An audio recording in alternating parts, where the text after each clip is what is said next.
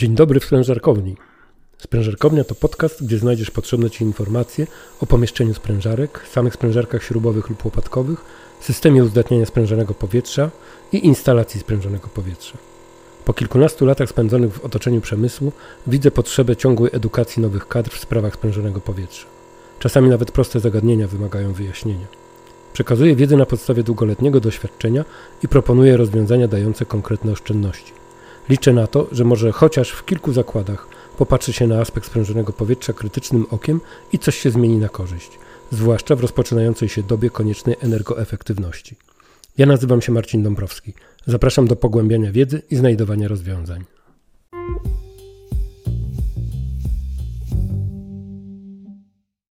Klasa czystości sprężonego powietrza według ISO 8573-1 z 2010 roku. Widziałeś taką informację? Główny inspektor farmaceutyczny poinformował o wstrzymaniu w obrocie na terenie całego kraju serii leku XYZ. Może być jeszcze wyjaśnienie dlaczego. Powodem wydanej decyzji jest wada jakościowa, zagrożenie zanieczyszczenia mikrobiologicznego substancji czynnej użytej do wytworzenia produktu leczniczego. Na pewno odpowiednia komisja bada przyczyny w zakładzie produkcyjnym, co spowodowało tą wadę jakościową. Albo oddajesz samochód do lakiernika, szczęśliwy chcesz już go odebrać, a tu skórka pomarańczy na polakierowanej powierzchni. Niezależnie od tego, czy jest to lakierowanie na mokro czy proszkowe, skaza może być podobna. A gdy jesteś mechanikiem i naprawiasz maszynę sterowaną pneumatycznie, to widzisz wewnętrzną rdzę albo porysowane gładzie cylindra siłownika i uszkodzony uszczelniacz. Możesz jeszcze widzieć pleśń na artykule spożywczym, a nawet jak jej nie widzisz, to możesz dostać rozstroju żołądka po jego zjedzeniu. Za te wszystkie sytuacje może być odpowiedzialne sprężone powietrze, które nie było wystarczająco czyste do aplikacji, w którym go użyto. Zanieczyszczenia w sprężonym powietrzu można zaliczyć do dwóch kategorii. Zassane z otaczającego powietrza, pyły, zarodniki roślin, opary olejów, para wodna i tworzone przez sprężarkę i instalacje sprężonego powietrza, tak jak olej, rdza, drobiny materiału, z którego wykonana jest sprężarka. Niezależnie od tego, skąd pochodzi zanieczyszczenie, to sprężone powietrze powinno być uzdatnione do klasy czystości odpowiadającej zastosowaniu. Istnieje międzynarodowa norma ISO 8573-1 z 2010 roku, w której określono klasy czystości sprężonego powietrza w odniesieniu do cząstek stałych, wody i oleju, niezależnie od miejsca pomiaru. W normie ISO 8573 określone są również w następnych częściach metody badań. Metody badań zawartości aerozolu olejowego, pomiaru wilgotności, zawartości cząstek stałych, zawartości oparów oleju i rozpuszczalników organicznych, zawartości zanieczyszczeń gazowych, zawartości żywych zanieczyszczeń mikrobiologicznych, zawartości cząstek stałych na podstawie stężenia masowego albo badań zawartości wody w stanie ciekłym. Pomiary przeprowadza się w warunkach referencyjnych, to jest temperatura powietrza 20 stopni Celsjusza, ciśnienie absolutne powietrza 1 bar, względna prężność pary wodnej 0. Klasy czystości, w zależności od zawartości cząstek stałych, wody i oleju, są określone w tabeli. W przypadku stwierdzenia, że występują cząstki stałe o wielkości większej niż 5 mikrometrów, wówczas klasyfikacji 1 do 5 nie można zastosować. Czystość sprężonego powietrza w punkcie pomiaru podawana jest według formuły ISO 8573-1 A, B, C gdzie A to klasa czystości dla cząstek stałych, B to klasa czystości dla wilgotności i wody w stanie ciekłym i C to klasa czystości dla zawartości oleju. Tak więc istnieje tabela, w której podane są wszystkie zawartości zanieczyszczeń i w zależności od tego, gdzie przypada poziom zanieczyszczeń, taką otrzymujemy klasę sprężonego powietrza. Wymagana klasa czystości sprężonego powietrza w różnych zastosowaniach. Na przykład powietrze bezklasowe to jest odmuchiwanie, pompowanie ogumienia, warsztatowe powietrze bez żadnych wymagań.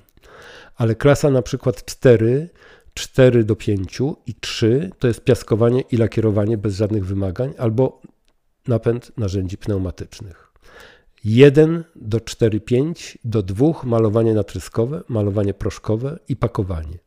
Klasa 1 do 4, 5 do jednego przemysł spożywczy i napojowy.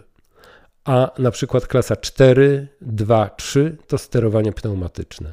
Może być jeszcze klasa 221 lub 211, to jest przemysł spożywczy i napojowy, farmaceutyczny, laboratoria chemiczne. To są ogólne wytyczne na temat jakości sprężonego powietrza, ale decyzję o stosowanej czystości powietrza należy podjąć dopiero po zapoznaniu się z zaleceniami producentów maszyn i urządzeń zasilanych pneumatycznie. Podstawowy powód takiego podejścia to ekonomika wykorzystania sprężonego powietrza. Im lepsza klasa sprężonego powietrza, tym wyższe koszty jego wytworzenia. Dlatego warto rozważyć lokalne uzdatnianie sprężonego powietrza zamiast centralnego uzdatniania sprężarkowni. W celu osiągnięcia odpowiedniej klasy czystości powietrza stosuje się urządzenia do uzdatniania sprężonego powietrza. Wśród nich są np. chłodnica wentylatorowa, separator cyklonowy zwany odwadniaczem, zbiornik sprężonego powietrza suchy albo mokry, filtry liniowe, w tym odpylający, odolejający, zgrubny, ogólny, dokładny. Może być filtr węglowy, filtr sterylny, osuszacz membranowy, osuszacz kondensacyjny, albo chłodniczy, albo ziębniczy, bo to jest wszystko to samo. Osuszacz adsorpcyjny regenerowany na zimno, osuszacz adsorpcyjny regenerowany na ciepło, kolumna węglowa albo podgrzewacz sprężonego powietrza. Do usuwania wytrąconego kondensatu stosuje się spusty kondensatu, zwane również drenami. Kondensat zawierający olej należy jeszcze rozdzielić na frakcję olejową i wodną w separatorze oleju z wody, nim podda się go utylizacji. Każdy z urządzeń charakteryzuje się parametrami roboczymi w celu osiągnięcia odpowiedniej skuteczności działania. Może to być wydatek, ciśnienie robocze, dostosowanie do temperatury otoczenia lub temperatury sprężonego powietrza. W zależności od parametrów eksploatacyjnych istnieją odpowiednie współczynniki korekcyjne. Gdybyś musiał dobrać jeden z wymienionych uzdatniaczy sprężonego powietrza i potrzebna byłaby Ci pomoc, to śmiało napisz maila lub zadzwoń do mnie. Pamiętaj, że nieprawidłowy dobór skutkować będzie gorszą czystością sprężonego powietrza, a w konsekwencji awariami odbiorników pneumatycznych lub gorszą jakością produktów finalnych aż do utylizacji złomowania całej party produkcyjnej. Nie warto narażać się na takie niepotrzebne koszty. A teraz szybka prośba. Jeżeli uważasz, że przekazana wiedza jest wartościowa i może pomóc, to udostępnij ją znajomym przez Messengera, Facebooka albo mailem. A gdybyś słuchał tego podcastu w Spotify lub Apple Podcast, to proszę wystaw opinię pod podcastem. W ten sposób pomożesz innym, a sobie zrobić dobry dzień. Zapraszam też do subskrypcji podcastu, bo w ten sposób nie przegapisz następnego odcinka. Dzięki za poświęcony czas i do usłyszenia w następnym odcinku podcastu Sprężarkownia. A już teraz życzę Ci bezproblemowej eksploatacji Twojego systemu sprężonego powietrza.